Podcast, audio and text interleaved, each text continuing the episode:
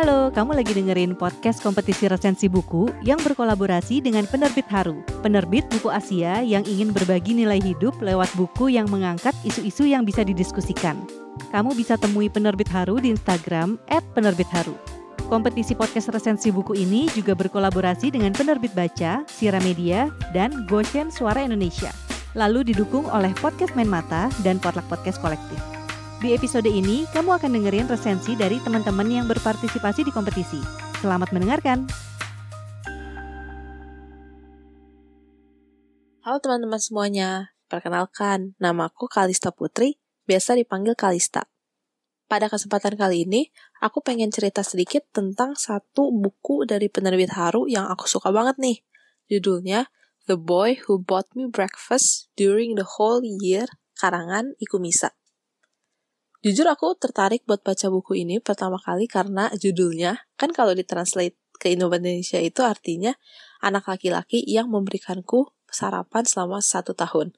Lucu gak sih? Maksudnya premisnya tentang cowok yang ngebeliin kita makanan selama satu tahun. Kayaknya aku belum pernah ngedenger buku atau cerita lain dengan premis seperti ini gitu. Nah, buku ini sendiri tuh berasal dari negara Taiwan sehingga masuk ke lini M novel dari penerbit Haru atau buku-buku terjemahan dari bahasa Mandarin. Nah, di Indonesia sendiri buku ini baru terbit pada tahun 2019 yang lalu dengan cover yang lucu banget. Warnanya tuh pink. Aku sih juga tertarik nih gara-gara warnanya yang lucu ini.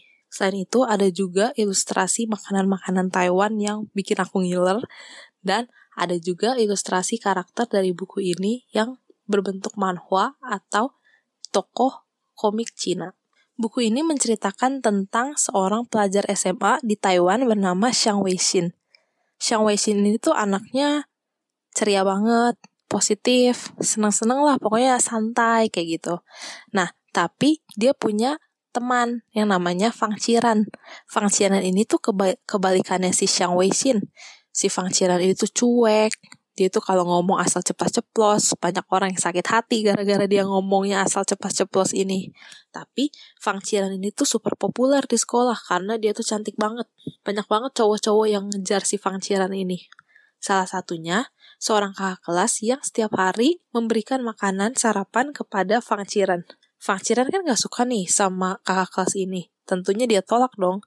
Tapi walaupun sudah ditolak Tetap saja si kakak kelas ini tetap memberikan makanan tersebut ke Fang Qiran. Fang Qiran pun akhirnya capek nolak terus, jadinya menerima. Tapi nggak dimakan sama si Fang Qiran. Yang ada, makanan tersebut itu dimakan oleh Xiang Weixin. Xiang Weixin ini suka banget makan, tapi dia suka kekurangan uang buat beli makanan. Nah, dari sinopsis yang barusan aku tadi ceritain, terlihat lucu banget kan ya? Nah, tapi emang bener kok, buku ini tuh ringan banget karena menceritakan tentang kehidupan sekolah, kehidupan SMA yang ringan, konfliknya nggak ada yang konflik yang berat, terus bahasa yang digunakan juga menggunakan bahasa yang santai, bahasa sehari-hari. Jadi pas aku baca pun aku nggak perlu mikir banyak, aku bener-bener have fun aja pas baca karena ini tuh ceritanya bukan cerita yang suram tapi malah cerita yang bright, cerita yang bahagia lah seperti itu. Selain itu, dari judulnya aja udah kelihatan kan tentang sarapan.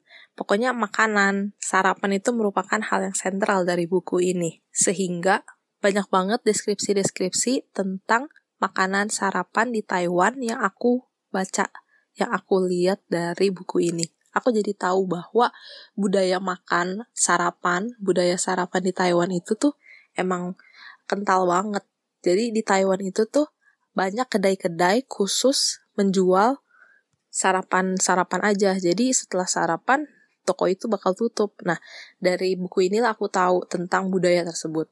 Malah, saking banyaknya makanan-makanan yang disebutkan tentang suasana-suasana bagaimana sih di kedai-kedai sarapan itu, aku selagi baca buku ini tuh aku sempat google-google sedikit tentang cari-cari gambar-gambar kedai-kedai yang ada di Taiwan biar suasananya makin dapat. Nah, aku nggak mau spoiler sih, tapi menurutku apa yang aku ekspektasikan sebelum baca buku ini tuh, wah, pokoknya tuh di luar perkiraan aku banget gitu. Jadi apa yang aku ekspektasikan tuh bener-bener dipecahkan. Jadi aku merasa terkejut dengan endingnya karena aku nggak mengira-ngira endingnya tuh bakal seperti itu gitu. Aku sama sekali nggak lihat bahwa hal tersebut akan terjadi. Buat kalian yang mau tahu apa sih sebenarnya bisa banget baca langsung bukunya karena kalau aku kasih tahu pasti itu tuh spoiler yang sangat besar banget. Tapi pokoknya aku nggak nyangka bakalan endingnya seperti itu. Tapi sebenarnya kalau aku baca-baca lagi di halaman-halaman sebelumnya emang sudah ada hint-hint atau clue-clue sedikit yang mengarah ke situ tapi akunya yang nggak notice gitu jadi aku terkejut banget pas endingnya itu terlihat selain itu buku ini merupakan buku favorit aku karena selain light aku suka banget sama karakter si kakak kelas yang ngejar-ngejar si Fang Chiran ini karena dia itu tipe-tipe cowok yang book boyfriend banget atau pacar di buku gitu yang so sweet tapi gak so sweet cuman yang kayak di perkataan aja tapi dari tindakan juga. Dan aku merasa cowok kayak si kakak kelas ini tuh real banget maksudnya gak cuman yang ada di buku tapi aku yakin pasti banyak cowok-cowok di luar sana di dunia nyata yang kayak si kakak kelas ini jadi karakternya tuh menurut aku sangat real, terutama si kakak kelas cowok ini dan gak cheesy gitu. Biasanya kan kalau kayak karakter karakter-karakter yang sweet-sweet gitu mungkin agak sedikit cheesy-cheesy gitu ya. Tapi kalau si kakak kelas ini menurutku manisnya tuh tepat takarannya gitu.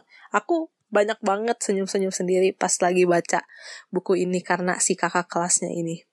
Nah, deskripsi-deskripsi makanan yang ada di buku ini tentang makanan-makanan sarapan di Taiwan itu bikin aku ngiler banget deh pokoknya pas baca buku ini tuh. Pokoknya pas aku lagi senyum-senyum terus tiba-tiba ada deskripsi makanan terus aku jadi ngiler terus senyum-senyum kayak gitu. Pokoknya buku ini tuh super light, super bikin seneng banget. Bener-bener pick me up yang bisa bikin kita tuh jadi seneng lah pokoknya. Terus adegan-adegan atau kejadian-kejadian yang ada di buku ini tuh real banget menurut aku. Gak dibuat-buat. Kan ada tuh kayak buku-buku yang sangat too good to be true. Nah tapi kalau buku ini tuh adegan-adegannya tuh bener-bener mundane atau bener-bener yang aku bisa bayangkan emang terjadi di kehidupan nyata gitu. Jadi sangat relatable dan itu tuh menurut aku merupakan nilai plus. Dan ternyata setelah aku selesai baca ini aku jadi tahu bahwa buku ini tuh diadaptasi atau berasal dari kisah nyata. Dan aku juga aku jadi mikir wah pantas aja adegan-adegan di buku ini tuh real banget. Emang ternyata udah terjadi di dunia nyata gitu. Dan jadinya jadi autentik banget gitu ceritanya. Tapi menurutku buku ini tuh punya satu kekurangan yaitu alur ceritanya yang gak konsisten. Maksudnya gimana tuh? Jadi pada awal cerita tuh alur ceritanya lambat banget. Aku ingat kira-kira baru sampai halaman ke-70 tuh belum ada konflik yang sebenarnya. Karena kan pasti kita baca buku ini karena kita pengen tahu nih tentang uh, kejadian sarapan itu tentang si Xiang Weixin yang makan makanan si kakak kelas gitu. Tapi di sampai 70 halaman pertama pun belum kelihatan masalahnya bahwa si Xiang Weixin ini makan punya kakak kelasnya gitu yang diceritain malah hal-hal yang gak ada hubungannya sama si sarapan itu. Kalau kita lihat dari awal ya kalau kita lihat dari depan gitu ya walaupun ke sananya nanti di cerita-ceritanya memang ada hubungannya dengan latar belakang cerita yang diceritakan di awal ini. Tapi menurutku porsi untuk uh, latar cerita latarnya ini tuh terlalu banyak. Karena aku jadi bosen bacanya awal-awal. Malahan aku sempet berhenti baca buku ini karena bosen di 70 hal 70 halaman itu karena belum ada konflik apa-apa gitu. Tapi setelah 70 atau 80 halaman itu sudah mulai kelihatan nih konfliknya, udah mulai kelihatan. Jadinya aku bisa terus lanjut baca dan setelah itu alur ceritanya sih sudah mulai membaik ya, maksudnya sudah menjadi lebih cepat tapi tidak terlalu cepat sampai bikin terlalu dipaksakan atau terlalu diburu-buru gitu jadi tepat. Jadi awalnya tuh lambat, tapi lama-lama mulai membaik menjadi lebih cepat. Maka dari itu, aku memberikan buku ini itu empat setengah bintang. Karena buku ini light, buku ini ringan, buku ini bikin aku senang, bikin aku jadi tahu budaya sarapan di Taiwan, bikin aku jadi swooning atau bikin aku jadi kayak ngefans sama karakter si kakak kelasnya ini. Tapi harus aku kurangkan setengah bintang itu karena alur ceritanya di awal yang sangat lambat.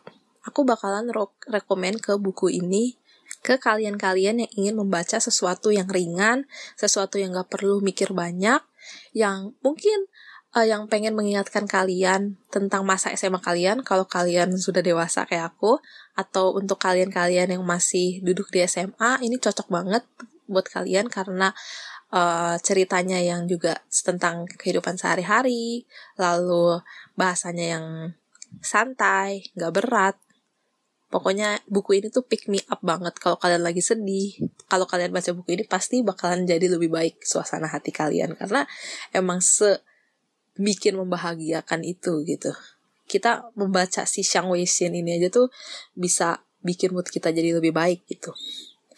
Nah, sekian pendapat aku tentang buku The Boy Who Bought Me Breakfast from the During the Whole Year ini kalian bisa dapatkan di toko buku terdekat kalian atau baik offline maupun online. Terima kasih sudah mendengarkan. Bye bye.